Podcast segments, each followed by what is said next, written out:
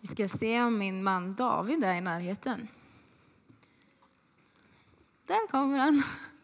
Han skulle hjälpa mig med en sak, så du får gärna komma fram.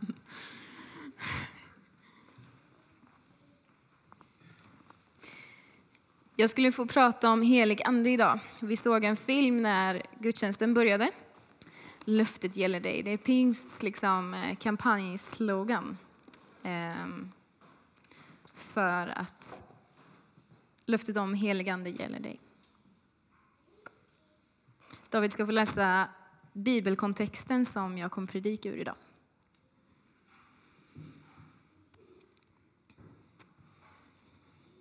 Ja. Jag ska be Fadern att han sänder er en annan hjälpare som för evigt ska vara hos er. Sanningens ande som världen inte kan ta emot, för världen ser honom inte och känner honom inte. Men ni känner honom eftersom han är hos er nu och kommer att vara i er.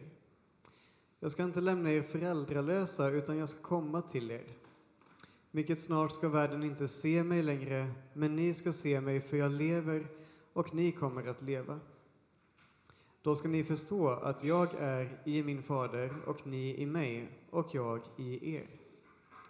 Den som har mina bud och lyder dem, han älskar mig och den som älskar mig ska bli älskad av min fader och jag ska älska honom och visa mig för honom. Judas, inte Judas Iskariot, sa då till honom Herre, varför ska du visa dig för oss och inte för världen? Jesus svarade, om någon älskar mig så håller han sig till mina ord och då ska min fader älska honom och vi ska komma till honom och stanna hos honom. Den som inte älskar mig håller sig inte till mina ord. Och ordet ni har fått höra kommer inte från mig utan från Fadern som har sänt mig. Jag säger er detta medan jag fortfarande är hos er, men Hjälparen, den helige Ande som Fadern ska sända i mitt namn, han ska lära er allt och påminna er om allt som jag har sagt er. Jag lämnar frid efter mig, min frid ger jag åt er. Jag ger er inte det som världen ger. Låt inte era hjärtan oroas och var inte ängsliga. Ni hörde mig säga till er, jag går bort, men jag ska komma tillbaka till er. Om ni älskade mig skulle ni vara glada över att jag går till Fadern, för Fadern är större än vad jag är. Detta säger jag till er innan det händer, så att ni ska tro det när det väl händer. Jag kan inte säga mycket mer till er, för den här världens härskare närmar sig. Han har ingen makt över mig, men världen ska veta att jag älskar min fader och gör vad Fadern har befallt mig. Kom så går vi härifrån.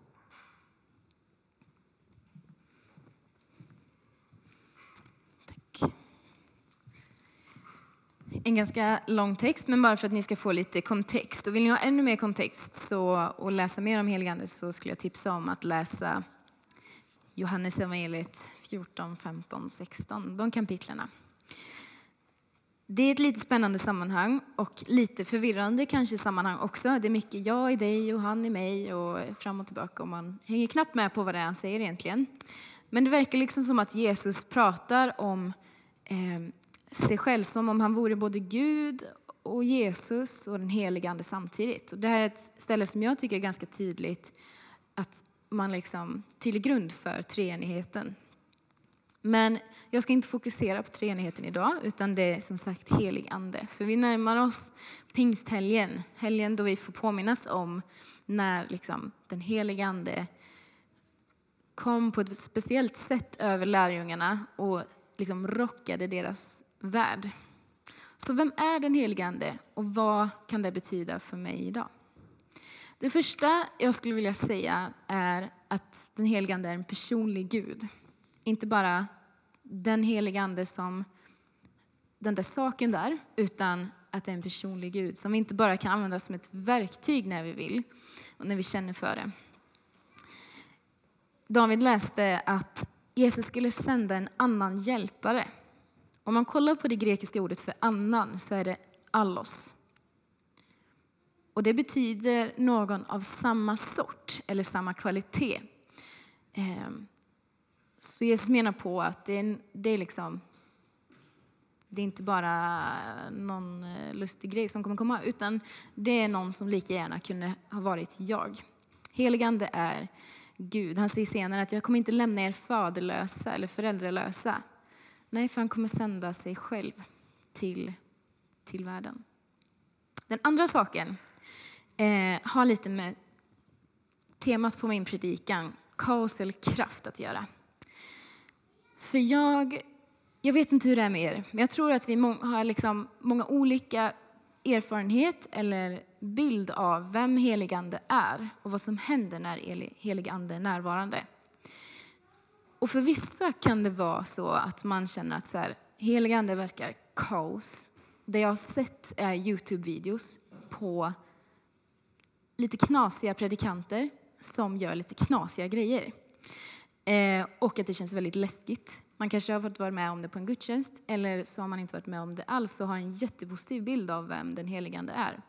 Men i vissa sammanhang kan det nog ändå vara lite så kaos, känsla över den helige Ande. Och det finns bibelberättelser som också kan få oss att känna som att eh, den helige Ande skulle vara lite kaotisk. Eller få människor att bli lite kaotiska. Ett sådant tillfälle är just när den helige Ande kommer på pingstdagen och människor börjar tala nya språk, eller olika språk. Men det är inte nya som att man har hittat på nya, utan det är språk som andra känner igen. Och för den som har läst en bibel ganska mycket så vet man att eh, vid ett tillfälle så ger Gud människor språk, men att de förr hade samma språk. Så att de, nu kunde de längre inte prata med varandra. Men det som händer nu när heligande kommer, det är att människor plötsligt förstår varandra. Och att han, istället för kaos, som det kanske såg ut som, så enade han människor. Så det han egentligen gjorde var att bringa ordning på ett sätt. Ett, en reaktion på det som hände var att några människor frågade om de hade druckit vin. De som fick den helige Ande på ett speciellt sätt. Har ni druckit vin så här mitt på dagen? Um, är ni berusade? Och jag vet inte hur det är med er, men jag brukar ändå höra ganska många sammanhanget vad är det vin gör med människor som vi kan efterlängta eller känna en positiv del av vinet? Jo, det brukar vara att man, har, man får mod att göra saker man inte hade vågat annars. Ehm, och man kanske vågar prata med människor. Ehm, det känns som gemenskap att sitta och dricka vin tillsammans. Ehm, ja, många sådana saker. Att man kanske känner lite extra frihet som man inte kände förut. Men det är just det här som anden kommer med på andens dag. Det kan se lite kaos ut från liksom, ett betraktande öga. Att vad, vad gör de? De pratar språk som, nu kan de förstå varandra. Men det som händer är att helig ande enar människor så att de förstår varandra och kan prata med varandra. Och att människor upplever en ny glädje, ehm, en ny frihet som de kanske inte kände förut, ett, ett nytt mod. Ehm, så de var inte fulla och de var egentligen inte så kaotiska heller. Men det kanske var lite annorlunda att våga göra så som de gjorde. För det var man inte van vid om man inte hade druckit först. Anden bygger alltid upp.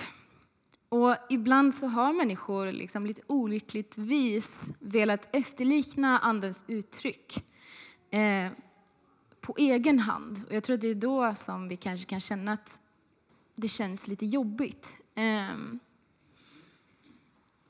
men i de sammanhang där det talas tydligt och mycket om Anden så är det i sammanhang av ordning och reda och att syftet alltid är att bygga upp, att bidra, att vara till nytta. Aldrig att få människor att eh, känna att det är jobbigt att få möta den helige Ande. I Första Korinthierbrevet 12 och 7 så kan vi läsa att men hos var och en visar sig anden så att det blir till nytta. Så länge det är till nytta så behöver vi liksom inte vara rädda. Är det inte till nytta och vi känner att det inte är sunt, då kan vi också börja fundera på om det är anden som verkligen har verkat. Vi behöver inte vara rädda för anden, för han gör inga övergrepp. I Bibeln introduceras vi för anden redan i första meningen. Om du vill följa med mig så kan du öppna din bibel och slå upp Första Moseboken 1, vers 1.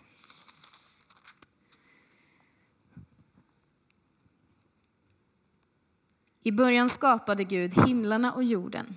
Jorden var öde och tom, mörkret låg över djupet och Guds ande svävade över vattnet. I de flesta engelska översättningar så står det att jorden var utan form. Och det var tomhet och det var öde. Och att det var en slags oordning. Om man kollar upp det hebreiska ordet, som jag inte kan uttala, så kan man liksom... Betydelsen för det hebreiska ordet i den här texten handlar om liksom en icke-form, en oordning, en oförutsägbarhet, en tomhet, en slags meningslöshet. Jag tycker det är lite, lite intressant, för en, en teolog som heter Tim Mackey, han brukar säga det, att det var kaos i skapelsen i början. Och kollar man på betydelsen av kaos så kan det många gånger vara oordning eh, och så vidare. Men så kommer anden och han skapar form och han skapar liv och han skapar skapelsen. Han ger ordning in i kaoset. Jag tycker det är en ganska häftig bild på vem anden är och vad han är här för att göra. Han ger liv och han skapar ordning i den här världen. Han är inte kaos, nödvändigtvis, så som vi tänker det.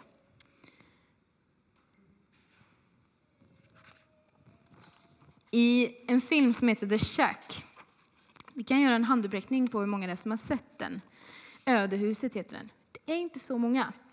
Den handlar den är lite omstridd, för eh, vissa påstår att det här har hänt på riktigt medan andra påstår att det har inte hänt. Men det är en man som eh, får möta Gud och på ett lite annorlunda sätt än vad vi är vana vid.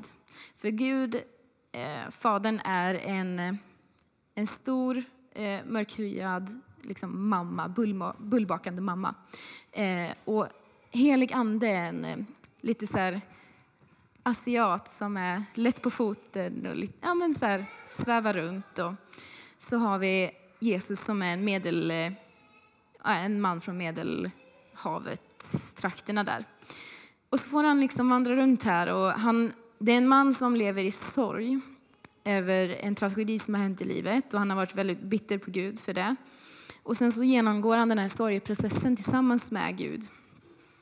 Och eh, vid ett tillfälle i den här filmen, vi kan ta nästa bild. Oj, vad dåligt den syntes. Men då får han komma in i en trädgård och han är tillsammans med helig ande. Och, han, och första reaktionen är liksom, här är kaos. Han vill knappt säga det för att han skäms lite över att säga det. För det är den heliga andes trädgård liksom som hon fixar och grejer i.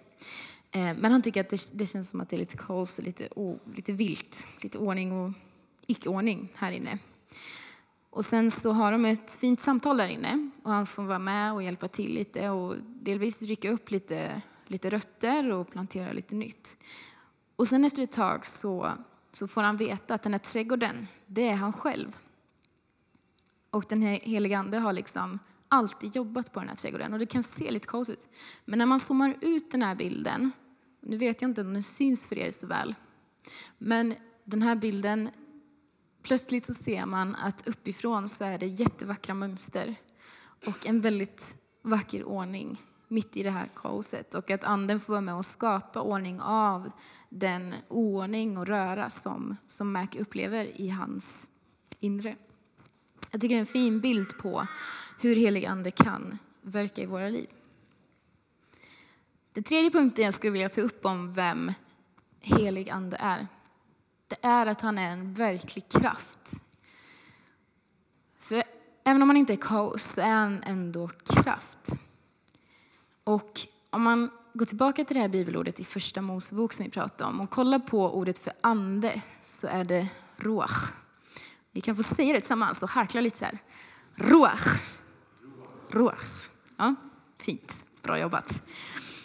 Och ordet ruach betyder vind, ande, liv och andetag. Jag tänkte att ni skulle få ta ett djupt andetag.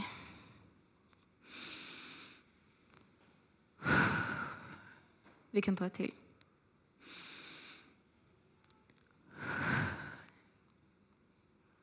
Vi ser inte andetaget, men vi kan känna det. Och vi kan se effekten av det. Vi kan se att vår mage liksom, eller bröstkorg höjs lite. Så är det med vinden också. Vi ser inte alltid vinden, men vi ser att det blåser i träden. Jag vet inte om ni kände det när ni tog andetaget.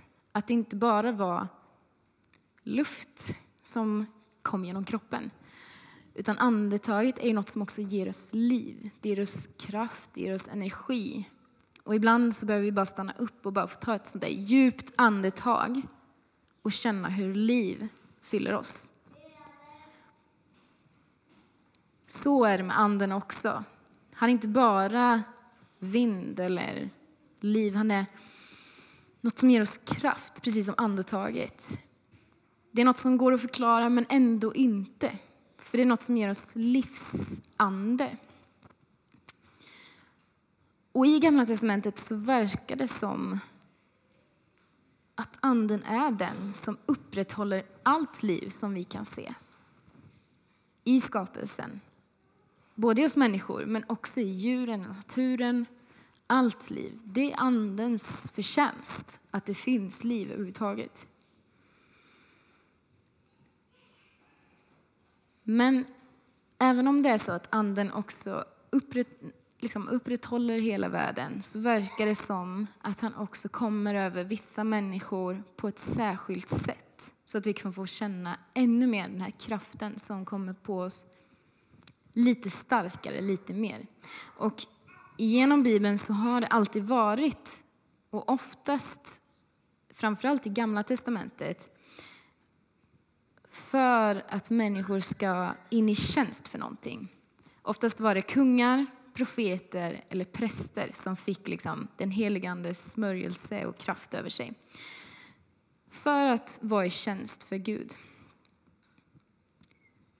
Det var inte vilka åtaganden som helst heller som, som de skulle göra, utan det var ofta mirakler och under och tecken och sånt där som man känner att det här klarar jag inte i mänsklig kraft. Det var inte för att skapa kaos och det var inte för att gå runt och vara lite eh, magisk. Eh, och inte för att liksom skryta om att kolla vad jag kan.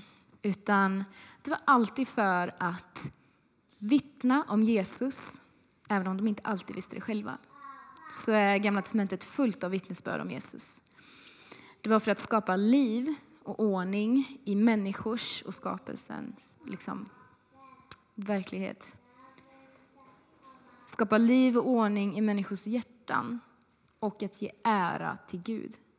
Det är liksom röda tråden genom alla gånger då helig ande utgjuts särskilt över människor. Alltid för att vittna om Jesus, skapa liv och ordning hos människor och att ge äran till Gud. Till och med Jesus själv döptes och fick den helige Andes kraft på ett särskilt sätt innan han själv gick ut i tjänst. Den fjärde och sista punkten om vem heligande är, är att han är hjälparen. David läste det, att han skulle sända, Jesus skulle sända en ny, en annan hjälpare. Och den här kraften som vi pratar om, det är liksom inte att hjälparen ska hjälpa oss med att baka lite bullar eh, åt lärjungarna när de blir lite sötsugna. Utan det är verkligen en, en kraft som går utöver det är förståndet. Det grekiska ordet för hjälparen, det är parakletos. Och det betyder någon som tröstar, vittnar för sanningen, förespråkar de troende som en advokat.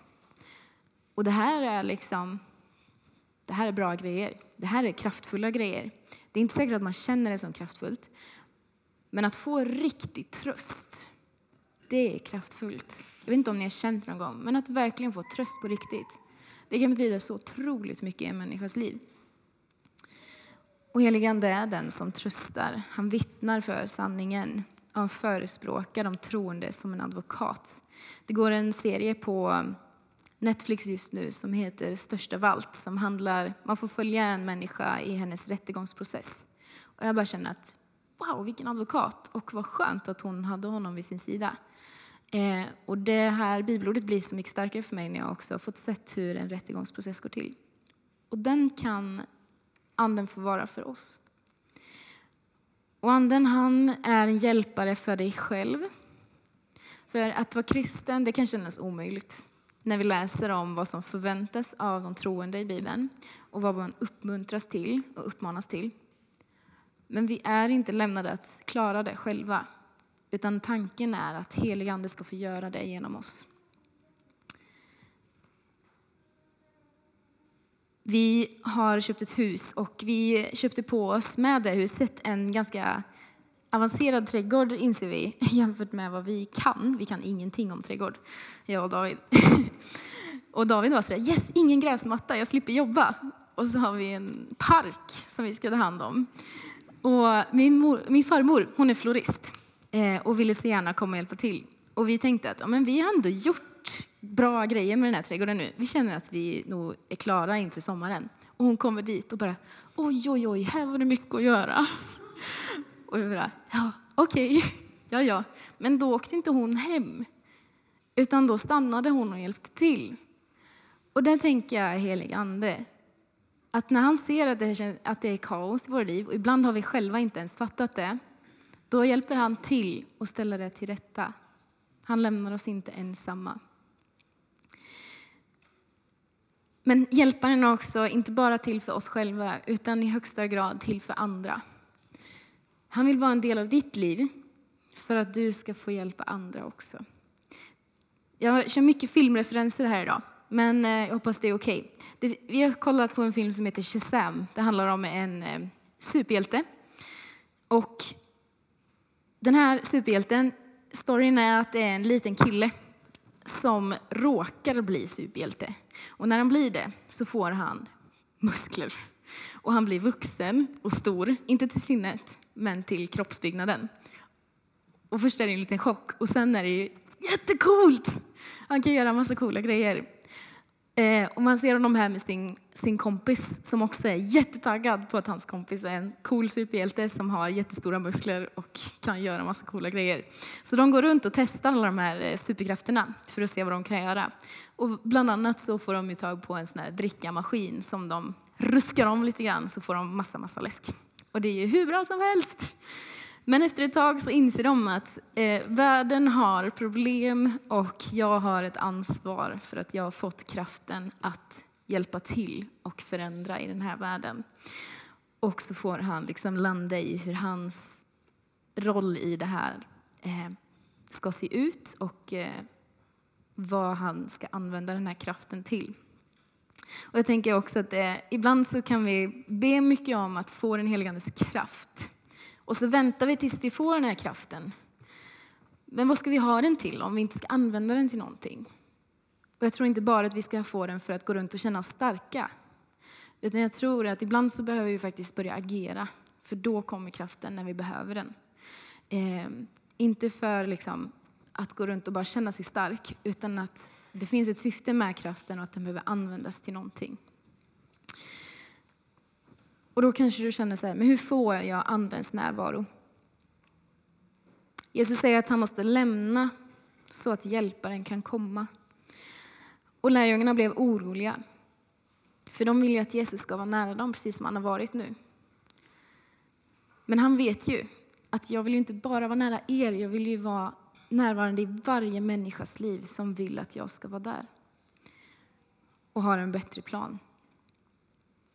Och genom Jesu verk på korset, genom sin död och sin uppståndelse, som faktiskt dessutom också var möjlig genom heligandes livskraft, så har han möjligheten att lämna plats för den heligande i varje människa som trors liv. För det står så här i Första Korinthierbrevet 12. Vi kan, jag slår upp det. Första Korinthierbrevet 12.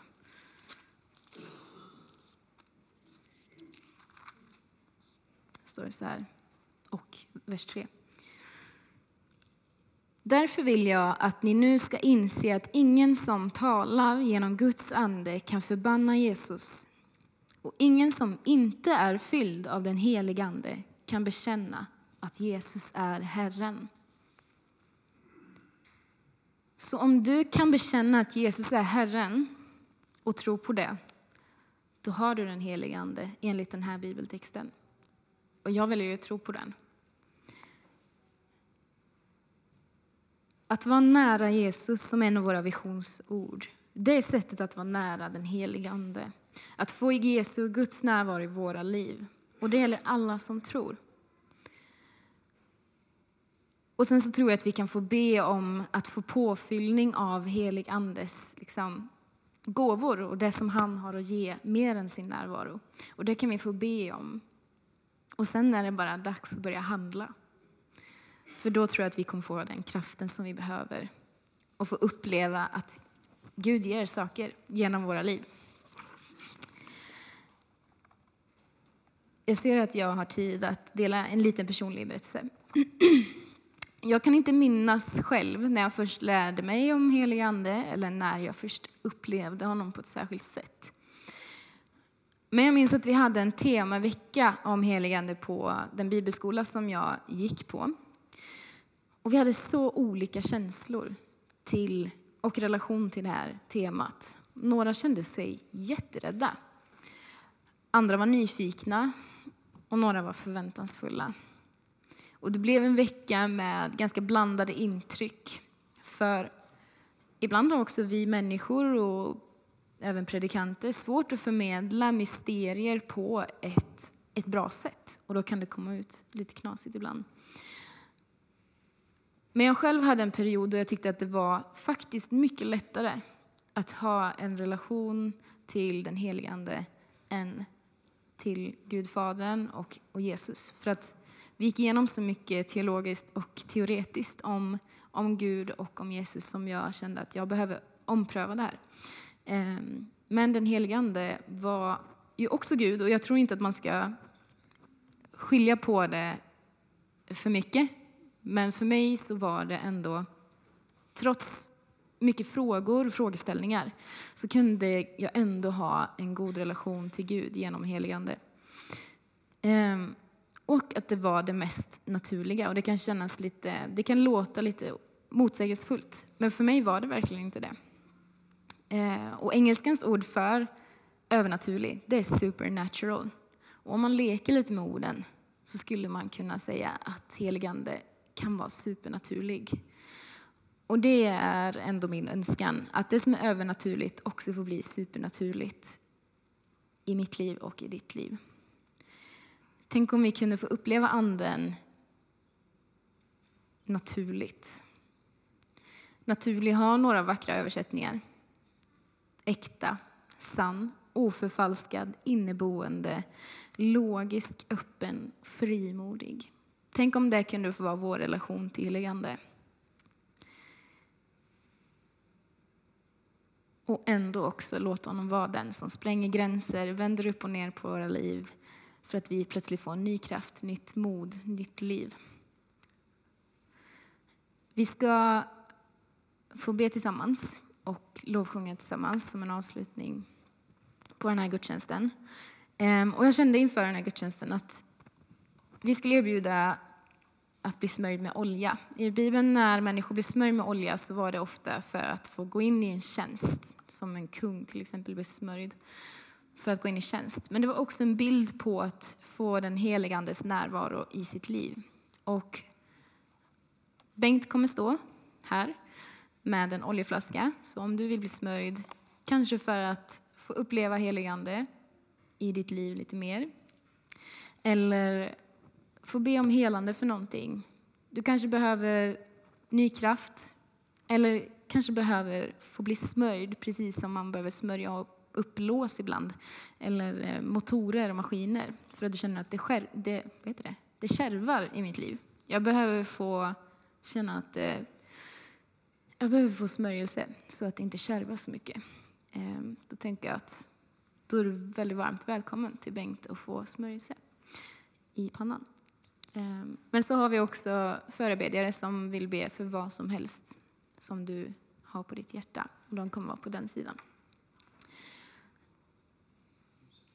Ljusbäraren kommer vi bära fram också i mitten här. Får gärna tända ett ljus. Jag ber gärna. Eh, och sen så är det fritt för fram förbön och lovsång.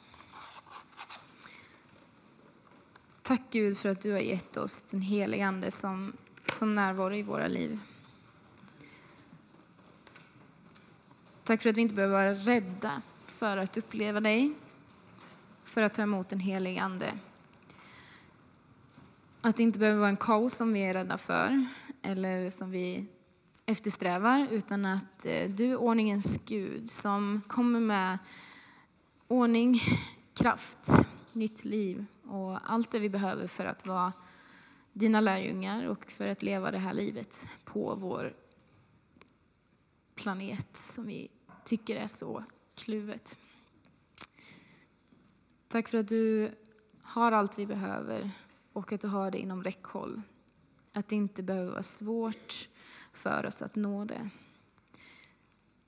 Välsigna var en som sitter här inne.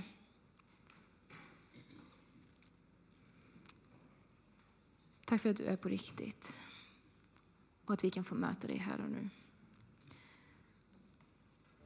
Och tack för att vi alla får plats med våra olika känslor inför dig. I Jesu namn. Amen.